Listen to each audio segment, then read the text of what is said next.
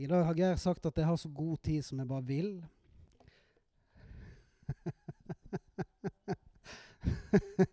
Nå ble han helt stille. Det har jeg aldri sagt, tenkte Geir. Ja, ja. Nei, men du, utrolig herlig å, å få lov å komme og dele hjertet i Froland misjonskirke igjen. Det føles jo som en evighet siden sist jeg gjorde det. Kanskje jeg burde ta hintet. Men nå er jeg nå her, og jeg er veldig glad for det. Det har jo vært helt naturlige grunner selvfølgelig til at jeg ikke har vært her og prekt på en stund. Vi har jo hatt noen sånne uregelmessige forstyrrelser i tidslinjen, kan du si. Blant annet en, eh, en ørliten sånn sak som, som heter korona.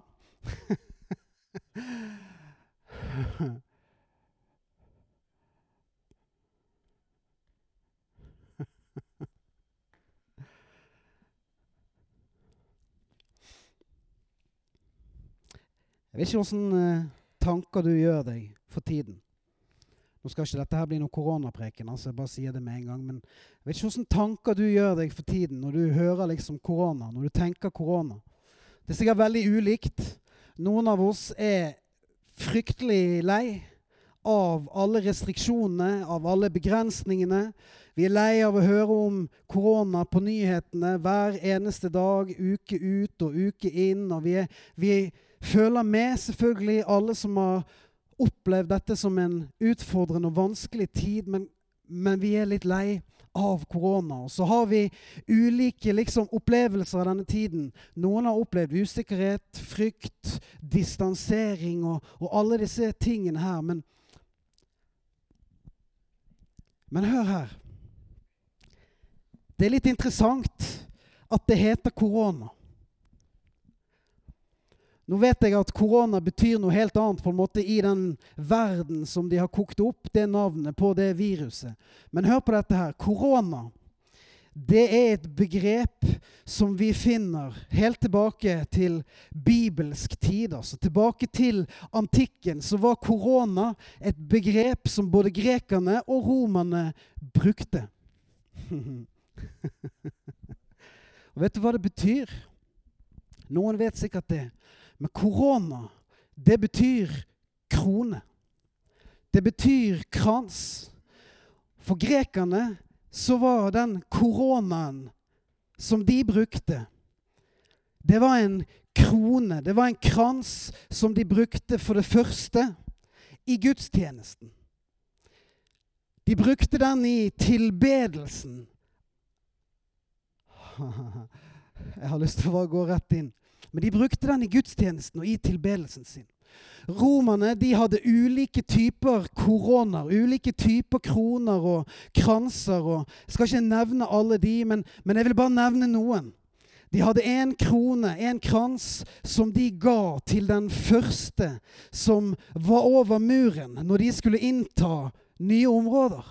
Og så hadde de en korona, en krone, en seierskrans som de ga til de som, som vant ulike idrettsarrangementer.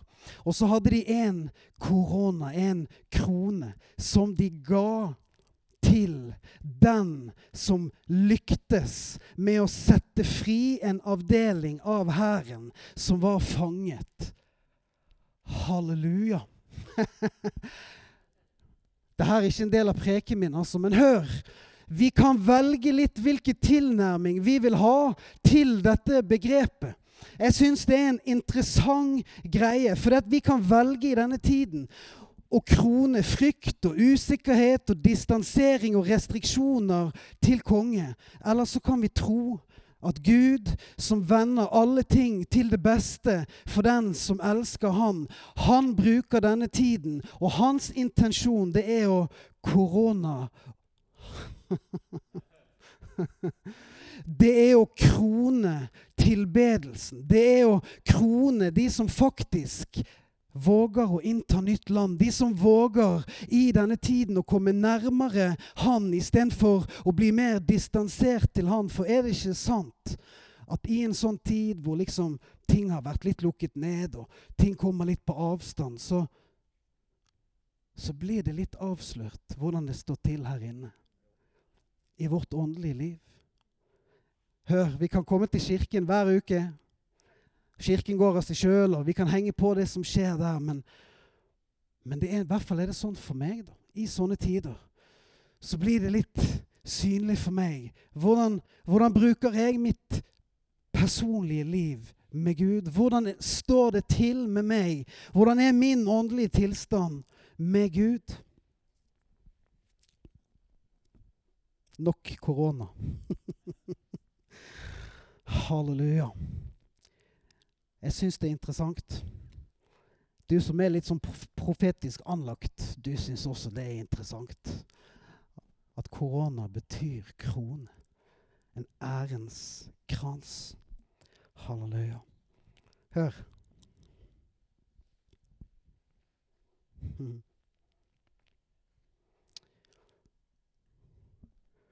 Sist gang jeg prekte her, det var jo Det tror jeg var typ liksom i januar.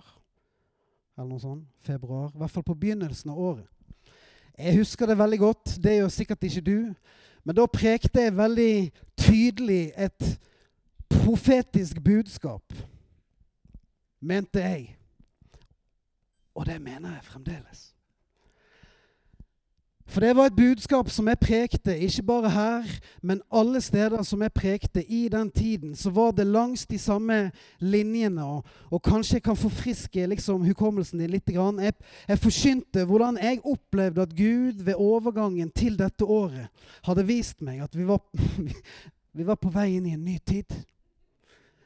Jeg syns jo det var litt voldsom eh, liksom, eh, Han trengte ikke markere det så kraftig, liksom, denne nye tiden. Men, men jeg forkynte det, at jeg opplevde vi var på vei inn i en ny tid. Jeg opplevde at vi sto på terskel til en, en ny sesong, og at det var en helligåndssesong.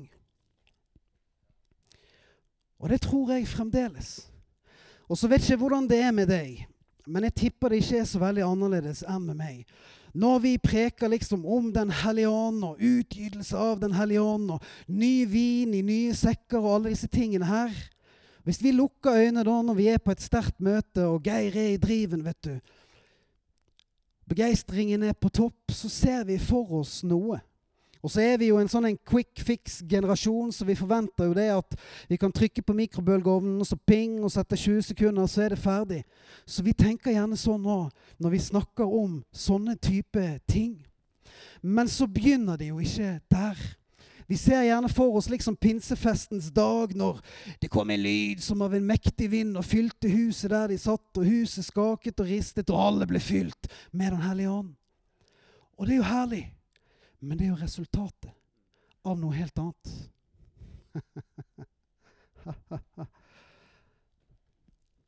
Det begynte med intimitet.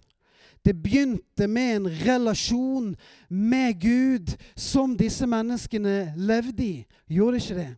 De var der, de var samlet, de hadde ett sinn, de var, var en, i én ånd. De var der, og de søkte Gud, tilba Han, æret det Han hadde bedt de om å gjøre, inntil det kom det som Han hadde lovet. Det kom, men det var resultatet av at de kom. Det var jo resultatet av at de levde i intimiteten med Han.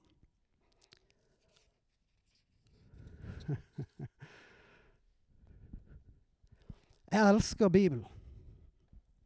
Jeg elsker Guds ord. Virkelig. og Jeg husker når jeg ble frelst. Husker liksom den første tiden der. Da var det sikkert mange rundt meg som tenkte at han der han trenger mye rettledning. Ikke bare sånn i forhold til livet i Gud, men generelt. og det hadde de for så vidt helt rett i. Men jeg husker at jeg lærte veldig fort at Bibelen, vet du det var instruksjonsboken. Det var Guds manual. Stadig vekk så hørte liksom noen som I denne boken så kan du finne svaret på alle spørsmålene i livet ditt. Og det hørtes jo herlig ut, vet du. Helt til jeg oppdaget det at det var jo ikke sant. du kan ikke finne svaret på alle spørsmålene dine som du møter i livet ditt, i Bibelen.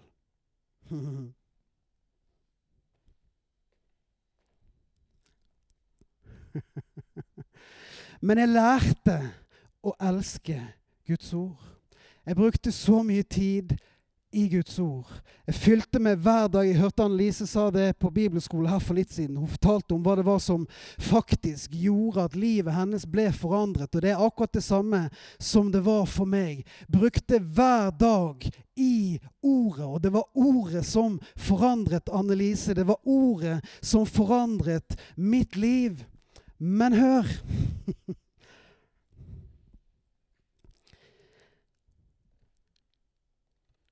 Hovedgrunnen til at jeg elsker Bibelen, hovedgrunnen til at jeg elsker Skriften, det er jo ikke pga. Skriften. Hør, boken er jo ikke manualen om Gud. Åssen var det jeg hadde skrevet det? Det var veldig bra.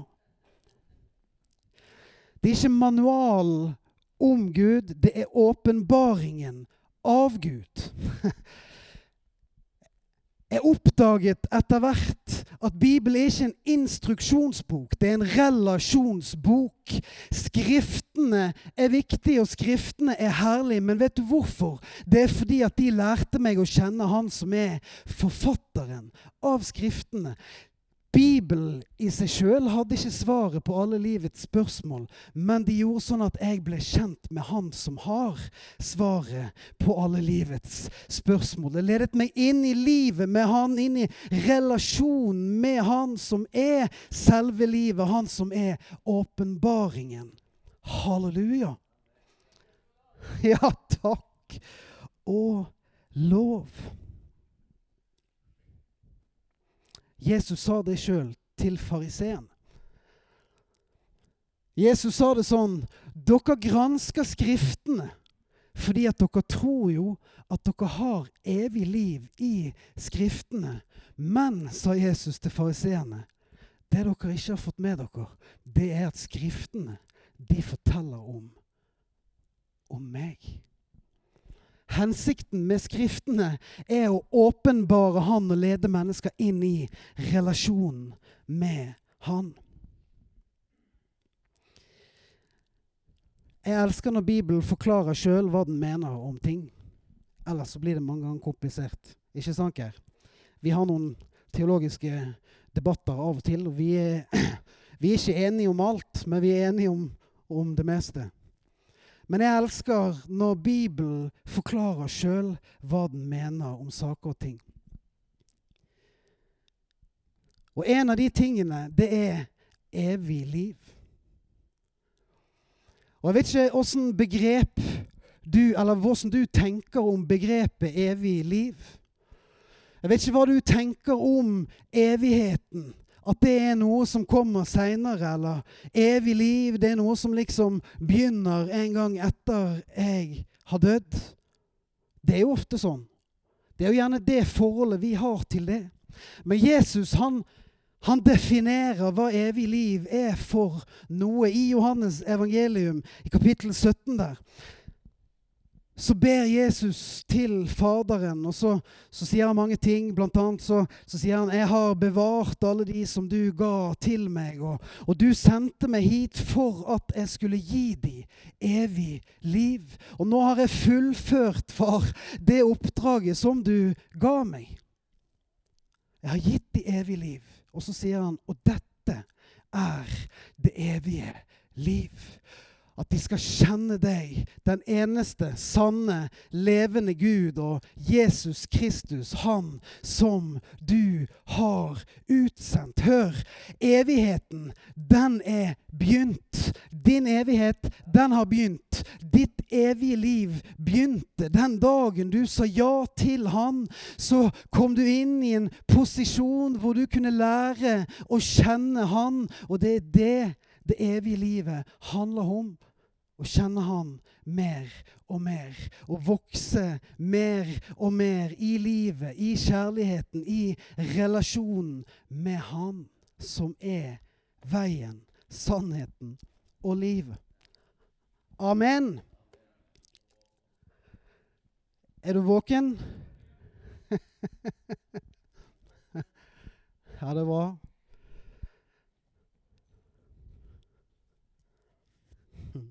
Dette det evige livet.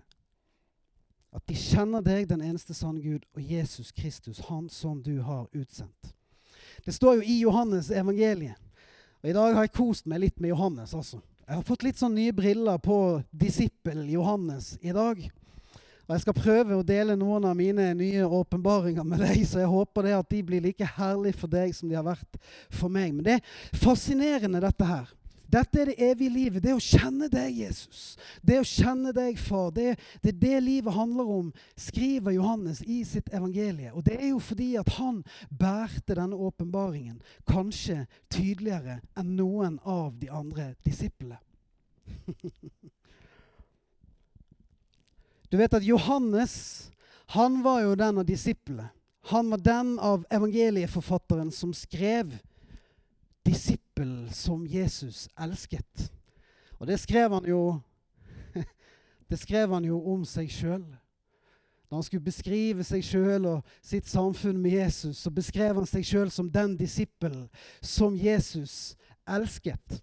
Noen andre steder så skrev han når de skulle løpe til graven, så var det han som løp fortest. Men det var ikke poenget nå. Men jeg husker jeg pleide å tenke før at han Johannes han var egentlig litt sånn, han var litt cocky, han var litt arrogant. altså. Han liksom fremhevet seg sjøl, men det tror jeg ikke lenger. Jeg tror at grunnen til at Johannes skrev disse tingene, at han beskrev seg sjøl på denne måten, var nettopp fordi at han var den som bar denne åpenbaringen av kjærlighetsrelasjonen til Jesus tydeligere enn noen av de andre. Jeg er helt overbevist om det.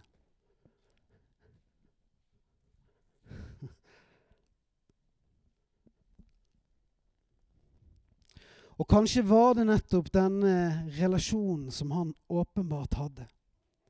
Han elsket Jesus, og han visste helt tydelig at Jesus elsket han. Han var jo tross alt den disippelen som, som, Jesus elsket. Og kanskje var det nettopp denne relasjonen som gjorde at Johannes var den som fikk ta imot Johannes' åpenbaring. Jeg vet at Geir går og brygger på noe, så jeg tenkte det at i dag så måtte jeg måtte gå inn litt i Johannes' åpenbaring, Geir. Er det greit?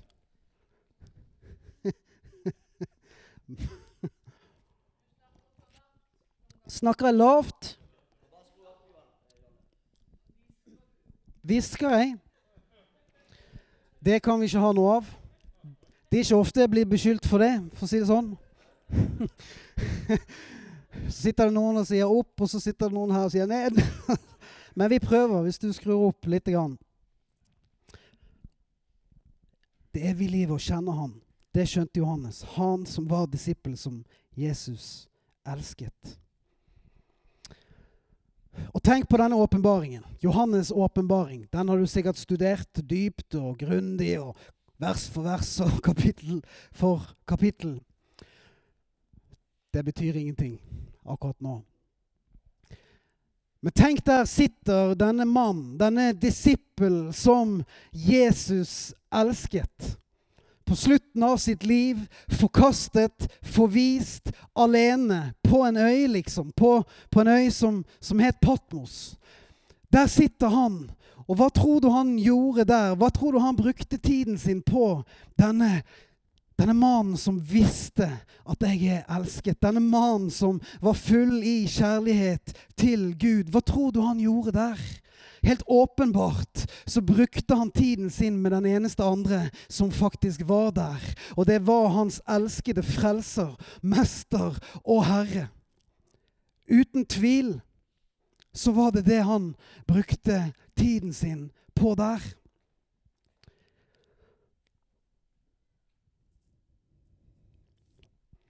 Jeg skal lese noe fra Johannes' åpenbaring og kapittel 4. Ja, Du kan gjerne slå det opp hvis du, hvis du har det der.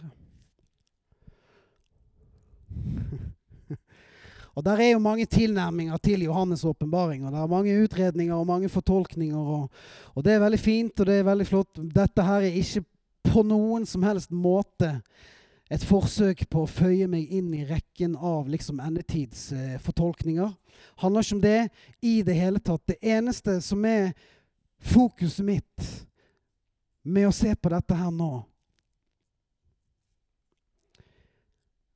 det er at jeg tror det vi skal lese nå, det viser noe for oss. Det åpenbarer noe av denne frukten i Johannes sitt liv. Frukten av denne intimiteten og kjærligheten som han hadde. Hør, vi leser fra vers 1. Der står det Deretter så jeg, og se, en dør var åpnet i himmelen. Og den første røsten jeg hørte, var som en basun som talte til meg og sa:" Kom opp hit, og jeg vil vise deg hva som må skje etter. Straks var jeg i ånden. Så Litt videre nedover der så beskriver han jo hva han ser. Og han så Guds trone, og han så Gud på tronen, og han så Gud satt der med, med, ulike ruller og ulike brever i hendene sine. Og så begynte Gud å pakke ut disse her for å åpenbare for Johannes hva som skulle skje. Ja, så høres dette veldig apokalyptisk og, og sikkert litt fjernt ut for, for noen av oss, men det er ikke poenget. Poenget er åpenbaringen. Poenget er invitasjonen fra Gud i den relasjonen som Johannes hadde med han der alene i tilbedelsen, der alene med Jesus. Så åpenbarer Gud. Han strekker ut sin hånd og gir Johannes en invitasjon. Kom opp hit, så skal jeg vise deg. Kom opp hit, så skal jeg åpenbare for deg. Jeg tror at mer enn noe annet så åpenbarer akkurat denne sekvensen, akkurat denne passasjen i Johannes' åpenbaring, åpenbarer ikke liksom en unik hendelse som, som en eller annen mann på en eller annen øy for så lenge siden at det er umulig for oss å forholde oss til han som person. Det er ikke kanskje det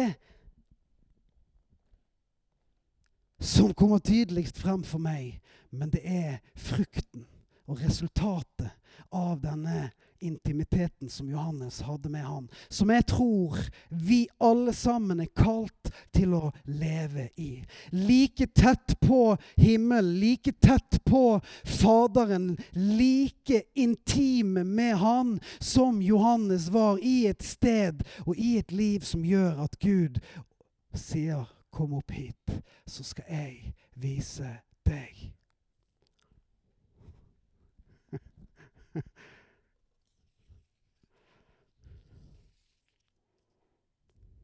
Hvor ble det av Maranata-folkene mine?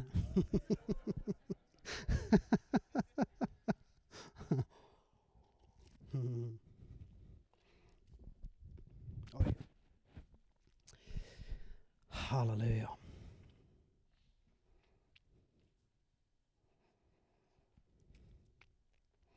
Dør var åpnet i himmelen.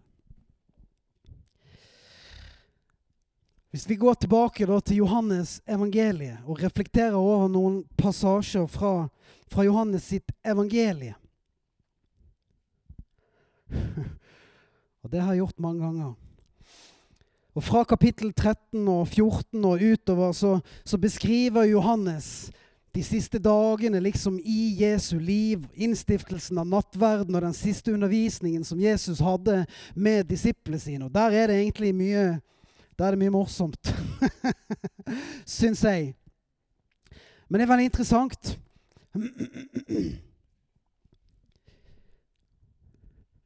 For etter hvert da, så begynner jo Jesus å undervise disiplene sine. Forteller at han skal dø, og så forteller han at så skal jeg bli borte, og så skal jeg gå til min far i, i himmelen, og der skal jeg forberede et sted for dere. Og så skal jeg komme tilbake for at dere skal være der jeg er. Og du kjenner liksom hele, hele den passasjen der. Og det som er helt åpenbart, det er jo at disiplene de forsto jo ingenting av hva Jesus snakket om. Tenk litt på det. Denne siste sjansen som Jesus hadde til å undervise disiplene sine. Skulle tro at det var litt viktig, det han hadde å si. Nå har jeg liksom én sjanse her før det er ferdig. Og så legger han i vei, og så forstår de jo ikke hva han snakker om. Men det hindret ikke Jesus i å fortsette å putte ting inn i deres liv, inn i deres ånd. Hvorfor det? Fordi at Jesus visste at det jeg sier, det forstår de ikke nå. Men om en liten stund, når Den hellige ånd kommer og åpenbarer det som jeg har puttet inn, da kommer de til å se. Da kommer de til å forstå. Da kommer Den, levende, den hellige ånd til å levendegjøre de tingene som jeg har puttet ned i de. Da kommer han til å åpenbare hele sannheten for disiplene mine. Du vet at vi hadde neppe latt Jesus få lov til å undervise i våre relevante, pedagogiske, tidsriktige menigheter i dag. Ja, men noen må stoppe den mannen der, for det er jo ingen som skjønner et ord av hva han sier. Men Jesus gjorde det siste sjansen som han hadde. Og Thomas Det er bibelsk å hete Thomas. Halleluja. Han var jo litt sånn som meg, så han, han, var jo ikke flau, vet du. Så han stikker jo hodet sitt frem, og så, og så, sier han, 'Jesus, Jesus' For da har Jesus akkurat sagt, 'Jeg skal gå og forberede dette stedet, og så kommer jeg tilbake, og så skal dere være der jeg er, og dere kan jo veien', og sånn, sier Jesus. Så sier Thomas, 'Unnskyld?' Stopp en hal. Altså, jeg skjønner ikke lyden av hva du snakker om. Jeg vet ikke hvor du skal gå henne. Så hvordan kan du si at jeg vet veien, ikke vet jeg hva du skal og hvor du skal, og jeg vet i hvert fall ikke hvor veien går for å komme dit du skal? Så sier Jesus, du kjenner meg, og jeg er veien. Halleluja.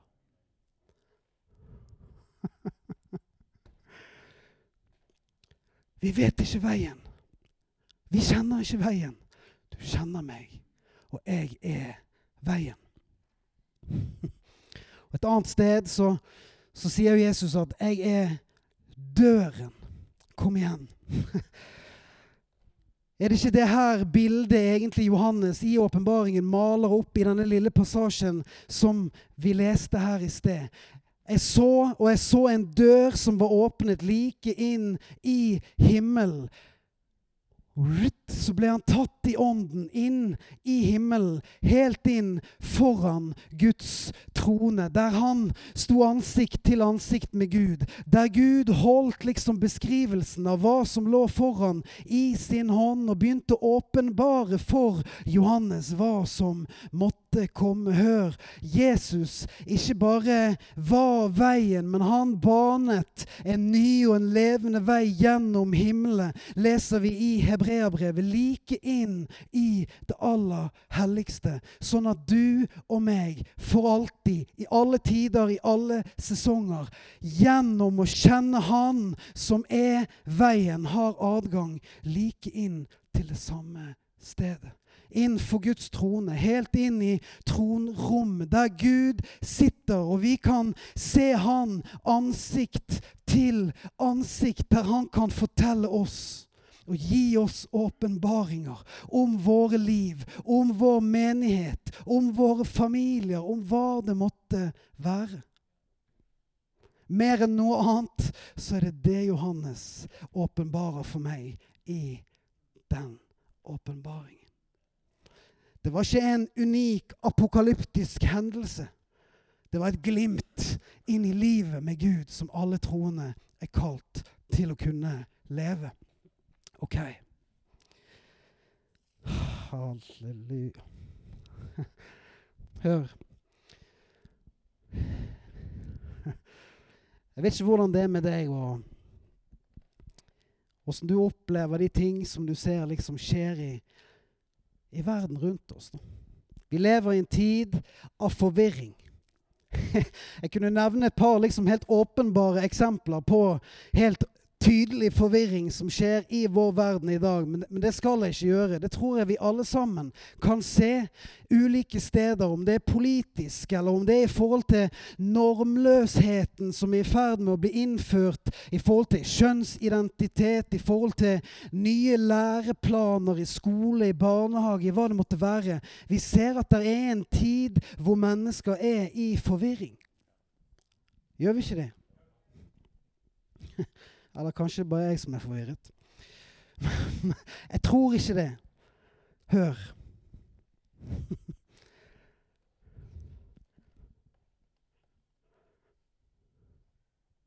Svaret på Guds gjensvar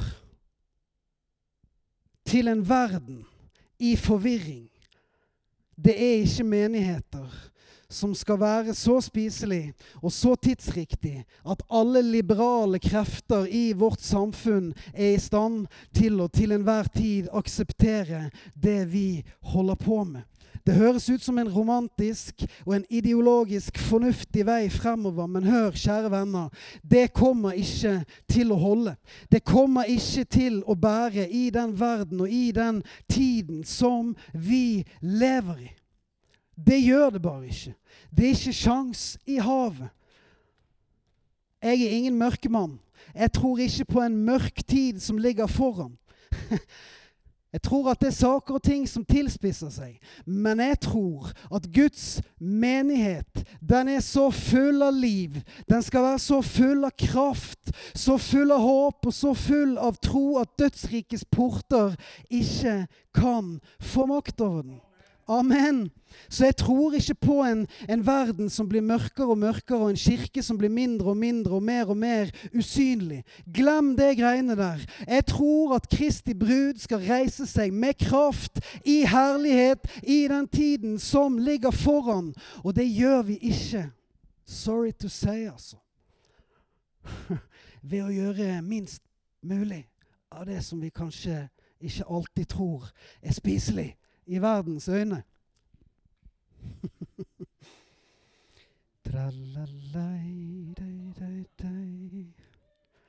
Det kommer ikke til å holde.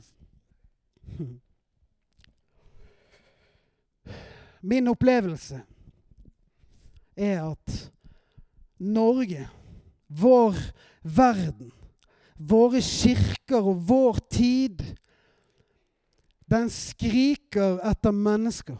Den skriker etter ledere som våger å leve livet på en sånn måte som Johannes faktisk gjorde.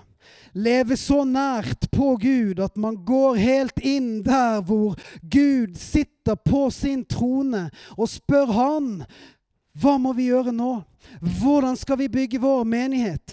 Hvordan skal jeg bygge min familie? Gud, jeg vet at du fortsatt er på tronen. Jeg vet at du fortsatt holder nøkler i din hånd som er riktig for at vi skal kunne bli det du har kalt oss til å bli i denne tiden.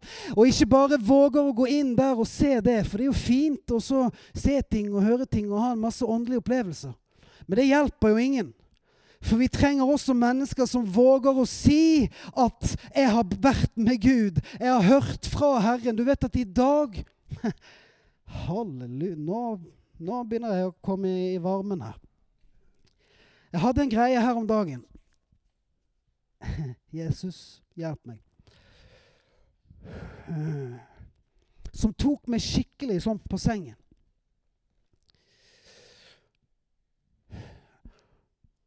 Og det var en Det var en åndelig leder i Norge som jeg ser opp til. Det gjør jeg fremdeles, bare for å ha det helt klart. En åndelig leder som, som, jeg ser opp til, som jeg hadde enorm tiltro til, som skulle inn i en situasjon da. Og jeg liksom Ja, det er bra, folkens. Dere må bare høre på han. Det der, Han kommer liksom til å komme inn med visdom, og han har åndelig innsikt. og han kommer liksom til å, Det der blir bra, liksom. Og så fikk jeg liksom eh, innsikt i hvordan det hadde gått da når denne åndelige lederen kom inn i den situasjonen som er kritisk for mange mennesker. og så bare kjente det i slo i magen når jeg fikk beskrevet liksom tilnærmingen som han kom med inn i den situasjonen. Hvor du har en gruppe mennesker som roper etter hva for noe? Åndelig lederskap. En åndelig leder som våger å reise seg og stå for at Gud faktisk har nøkler og løsninger for de situasjonene som vi befinner oss i. Og så bare avfeide han fullstendig hele den åndelige dimensjonen. Og kom med en haug med menneskelige løsninger inn i en situasjon som krever et åndelig gjennombrudd. Og jeg bare kjente det, altså. Det var sånn et slag. For hvis ikke du kan hvis ikke du kan finne blant liksom de du har mest håp til, åndelig veiledning i den tiden vi lever i, i de menighetene som vi bygger, hvor skal mennesker finne håp og trøst da? Det fins masse menneskelig visdom. Det fins mange mennesker som er gode på alle mulige ting i vår verden. Vi lever i liksom intellektualismens høyborg nesten her oppe på Bjerget i nord. Men verden skriker etter mennesker som har hørt fra Gud. Som våger, de, som våger, å si at de har hørt fra Gud. Som våger å ta de visjonene og de åpenbaringene som Gud gir, og løfter de frem, sånn at folk kan følge etter.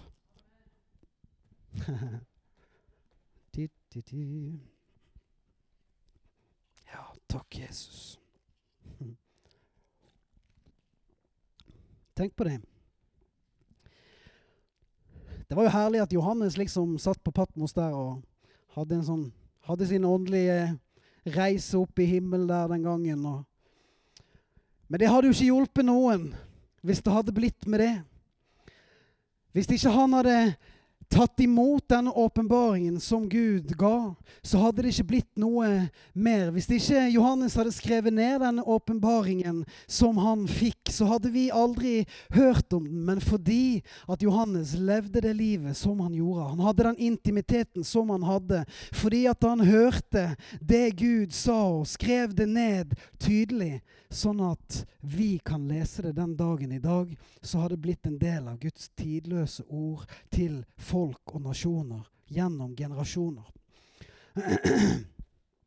I ordspråkene kapittel 29 og vers 18 der står det type omtrent sånn Uten profetisk visjon Uten profetisk visjon, uten profetisk åpenbaring, så farer folket vill. Ja, hva betyr det? Det betyr akkurat det. At hvis det ikke det finnes et folk som lever med Gud, som hører fra Gud, og som tegner opp Guds hjerte, Guds tanker og Guds visjoner for folket, hvordan vet vi hva vi holder på med? Paulus sier det sånn i Korinterbrevet, i en annen sammenheng, men prinsippet er det samme. Der sier Paulus at så løper jeg ikke som en som ikke vet hvor han skal løpe. Jeg fekter ikke liksom bare ut i løse luften og, og håper at det treffer noe. Hva er poenget? Prinsippet er det at hvis ikke det fins en åpenbaring fra himmelen for ditt liv, for den menigheten som du er en del av, hvordan vet vi hva vi holder på med? Hvordan vet vi hva vi holder på å bygge? Vi har med en levende Gud å gjøre. En som vet hvordan han skal bygge sin menighet. En som er levende opptatt av at vi skal gjøre mer enn å bare samles. Det er koselig å samles, det er viktig med fellesskap, det er viktig å ha alt dette sosiale rundt. Men hør, Gud han har en større hensikt for sin menighet i denne tiden. Han vet hva han vil bygge. Han vet hvordan han vil bygge det, og han vet hvilke mennesker han vil bruke akkurat nå akkurat i denne tiden. Hør denne åpenbaringen til Johannes. Den var som sagt ikke et isolert hendelse. Hele Bibelen er full av denne typen møter mellom Gud og menneske. Fra perm til perm, fra Moses til åpenbaringen. Du ser det i Jeremias liv, du ser det i Moses sitt liv, du ser det i Esekiels liv, du ser det i Habakuk sitt liv. Den ene etter den andre som har disse møtene med Gud, hvor Gud taler. Og så sier Gud noe interessant nesten hver eneste gang.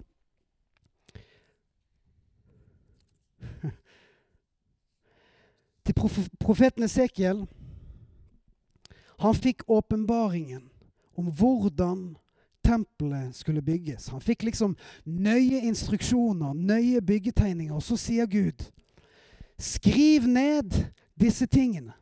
Rist det tydelig inn på tavler, så folket kan se det.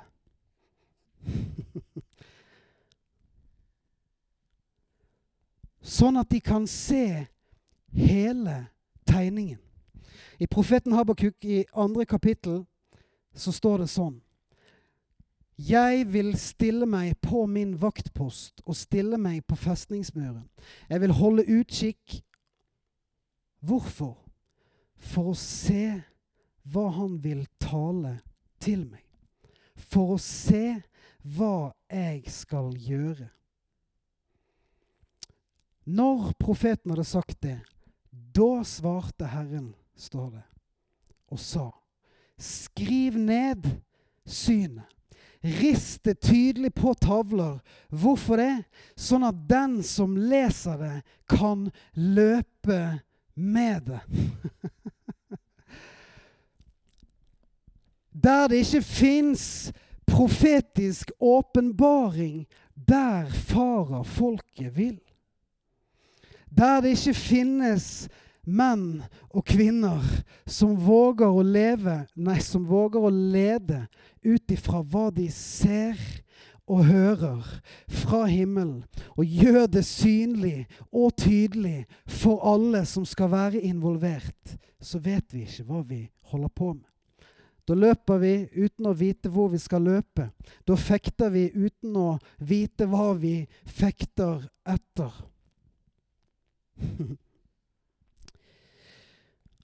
Vi snakker ofte om å grave opp gjengravde brønner. Geir liker det. Jeg gjør òg det. Og jeg taler òg om det i ulike sammenhenger. Men hør her. Når vi skal grave opp gjengravde brønner, hva handler det om? Det handler om at vi skal grave oss frem til kilder som en gang var levende. Ikke sant? Det handler om å grave seg ned til det stedet hvor det en gang vellet frem noe som ikke lenger veller frem. Og det er en herlig tanke. Men hør her. Når vi skal begynne å grave opp disse gamle brønnene, så er det viktig at vi har laget kanaler, sånn at det vi graver frem, faktisk kan ledes til et sted, så det kan utføre den hensikten som det skal. Hvis det ikke så graver vi frem gamle kilder som begynner å sprute rundt overalt, og det blir en masse gjørme og en masse søl, og det hjelper egentlig ingen noe som helst. Det blir bare masse rot og gris. Vi skal grave opp gamle kilder, men hør, det må finnes en hensikt, fordi at disse kildene de er ment til å være redskaper for at Gud kan bygge sin menighet. For at Gud kan bygge det han ønsker å bygge i denne tiden, så finnes det kilder til kraft. Hva er det for noe? Jo, det kan være kilder til tegn, under og mirakler. Det kan være bønn og faste og hva det måtte være for noe. Men det må finnes en tegning av noe, sånn at disse kildene kan fungere på den måten som de er tenkt å fungere. Var seint på søndagskvelden for et sånt budskap, eh, folkens. Går det bra? Ja, ja, ja.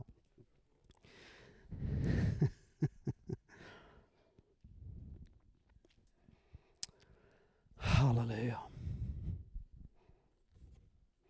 Kan jeg få lov å kaste inn en liten fakkel til? Du tåler det her i Froland en, en søndags uh, høstkveld?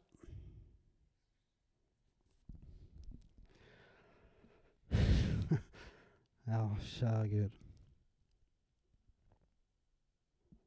Hmm.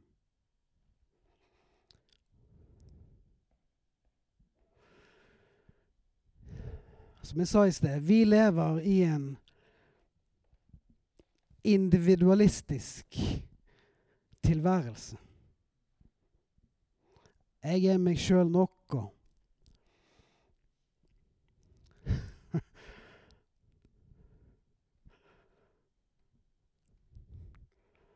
og vi lever i, en, i et samfunn og i en tid hvor den sosialdemokratiske tanken står så sterkt at vi alle sammen tenker at det her, det er liksom en dette her er en fornuftig styringsform. Dette her er måten vi ønsker å leve livene våre Dette er måten vi skal bygge landet vårt på. Og det kan være rett, og det kan være riktig. Problemet er at langt inn i menighetene våre så tenker vi at den sosialdemokratiske måten, det er måten som Gud bygger sin menighet på. Hør her. Guds rike er ikke et demokrati.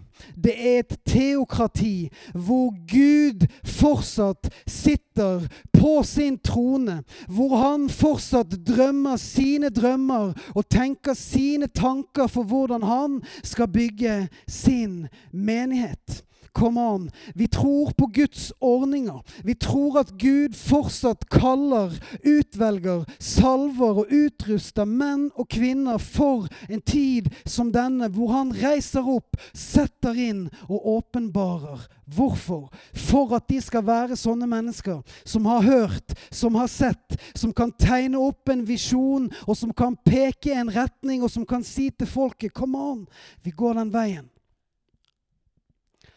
Amen! Kan si hva du vil. det her er jeg helt 100% sikker på. Gud er på tronen. Han er konge. Han har sine tanker. Han bruker mennesker, ikke institusjoner, men personer som han lever med i relasjoner, hvor han åpenbarer. Og det ønsker han for hver eneste en av oss.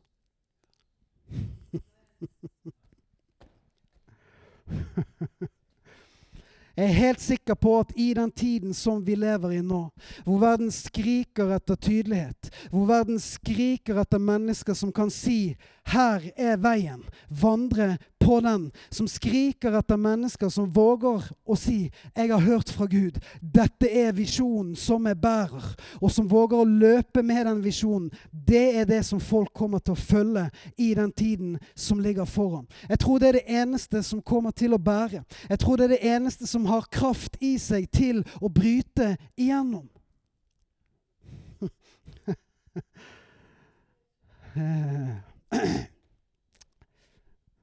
Jeg skal Jeg skal gi meg nå.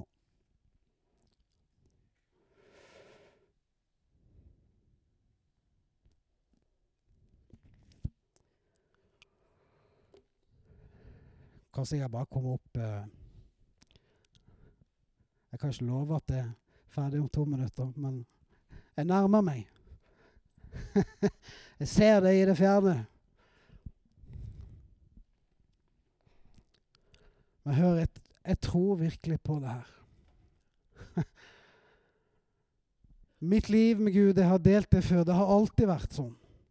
Det har alltid handlet om, vært fullstendig avhengig av, livet med Gud. Det personlige livet med Han. Den personlige åpenbaringen av Han, hvor, hvor, Han snakker med meg, hvor jeg snakker med Han, og hvor Han åpenbarer ting for meg. Det har alltid vært sånn. Og det er klart Man kan tenke at ja, noe har med gaver å gjøre, noe har med ulike tjenester å gjøre, men, men når det gjelder de tingene her, så tror ikke det er unikt. Jeg tror det handler om hvordan Gud ønsker å leve med hver eneste en av oss. Hvor han inviterer oss til denne intime relasjonen med han. Hvor vi vet at vi er elsket. Hvor vi elsker han tilbake. Hvor vi lærer å kjenne han som er døren. Han som er veien. Fordi at i han og med han så kan vi gå helt inn og leve foran tronen.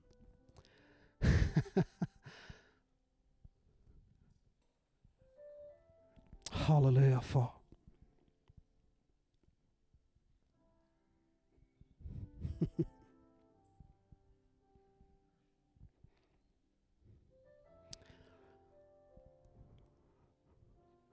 Og jeg tror virkelig det at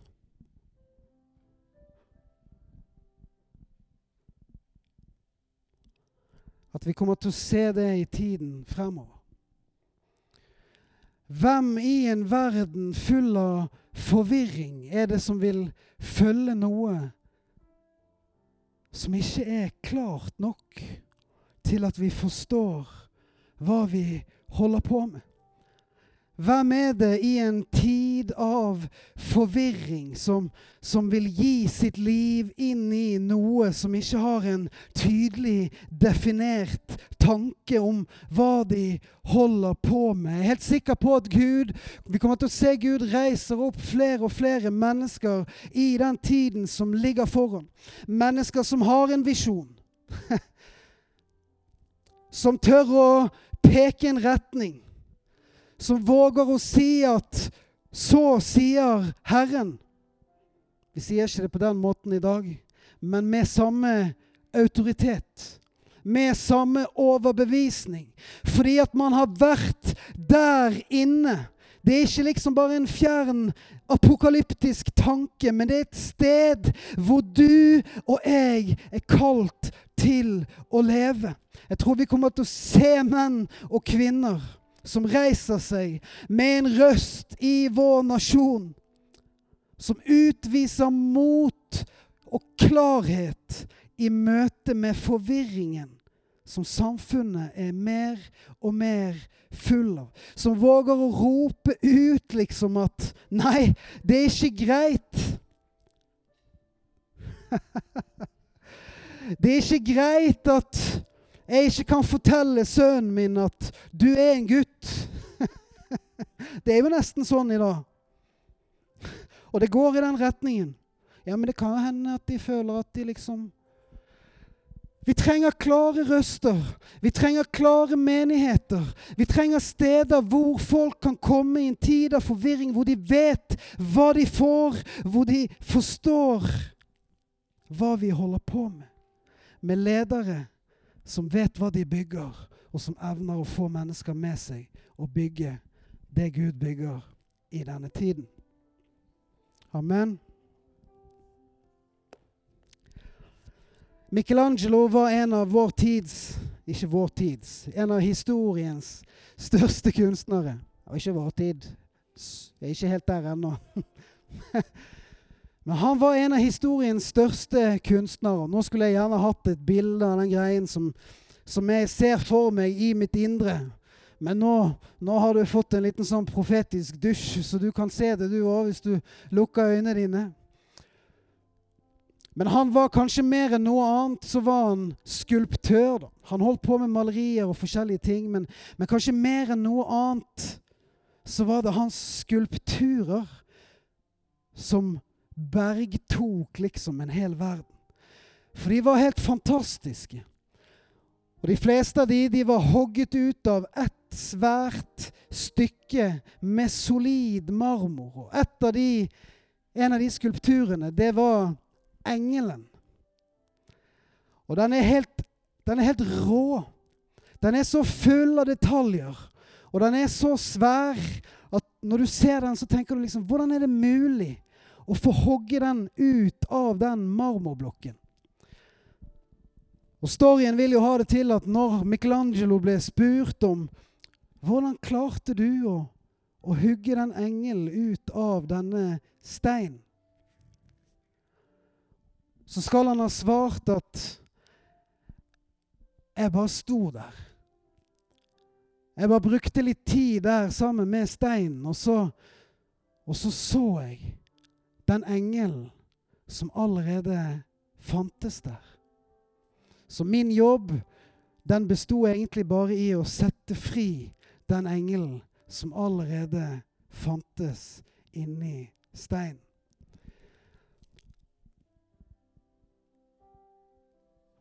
Mange ganger sier vi at Gud har en plan med ditt liv, han har en plan med liksom menigheten og sånn. Jeg liker ikke den tilnærmingen.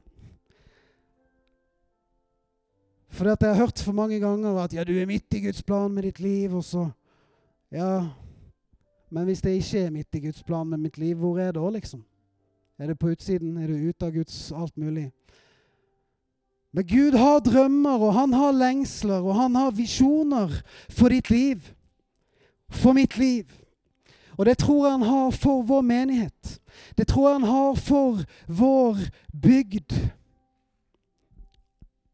Jeg tror det finnes drømmer der i Gud som han kaller oss til. Og som han sier, liksom, som han sa til Johannes, kom opp hit, så skal jeg vise deg.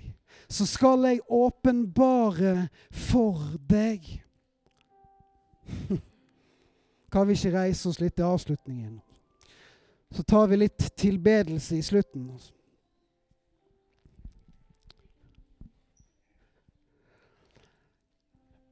Men jeg tror mer enn noe annet i denne tiden så kaller Gud oss til denne intimiteten med Han.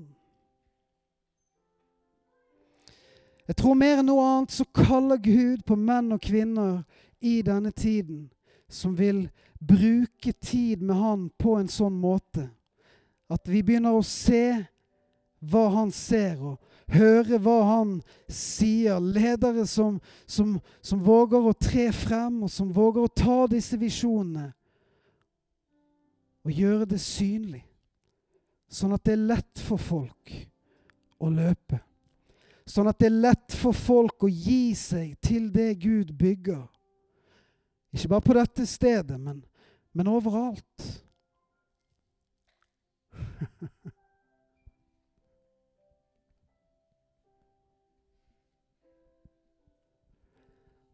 Halleluja.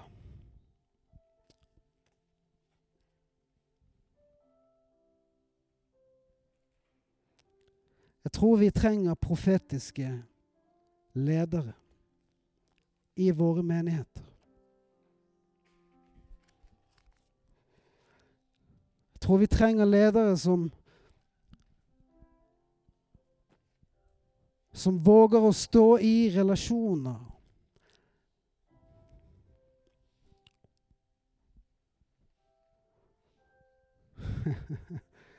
med profetiske tjenester. Jeg tror vi som enkeltmennesker trenger å, å, våge å tro på Guds ordninger i denne tiden. At, at Gud, han salver mennesker. Alle mennesker er kalt til intimitet. Alle mennesker er kalt til å høre fra Gud. Men, men, det er ikke alle mennesker som er kalt til å lede. Men noen mennesker er kalt til å lede. Jeg tror det er tid for at vi våger å la våre ledere lede. Jeg tror det er en tid hvor vi må våge å gi våre ledere det mandatet og den myndigheten som de trenger. Gi dem den friheten og det rommet som de trenger for å bygge det Gud viser at de skal bygge. Halleluja. Det er ikke lett for oss. Beklager, jeg skal avslutte nå. Men hør. Vi er redd for å gi mennesker for mye makt. Vi er det. Vi er redd for å gi åndelige ledere for mye spillerom, for de kan jo misbruke det. og de kan det. Og mennesker har gjort det.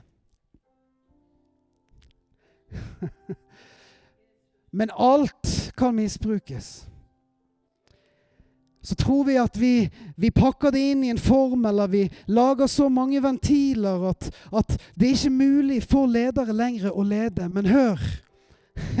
Også demokratiske modeller kan misbrukes. Vi må tro på Guds ordninger. Vi må tro på de mennesker som Gud reiser opp, og som han innsetter og kaller for å lede i en tid som denne. Dette er lett for meg å si her fordi at jeg sitter ikke her og leder. Men jeg kjenner det ligger i min ånd. Vi må våge å gi mennesker rom altså, til å løpe med visjonen som Gud har gitt dem, i Jesu navn. Amen.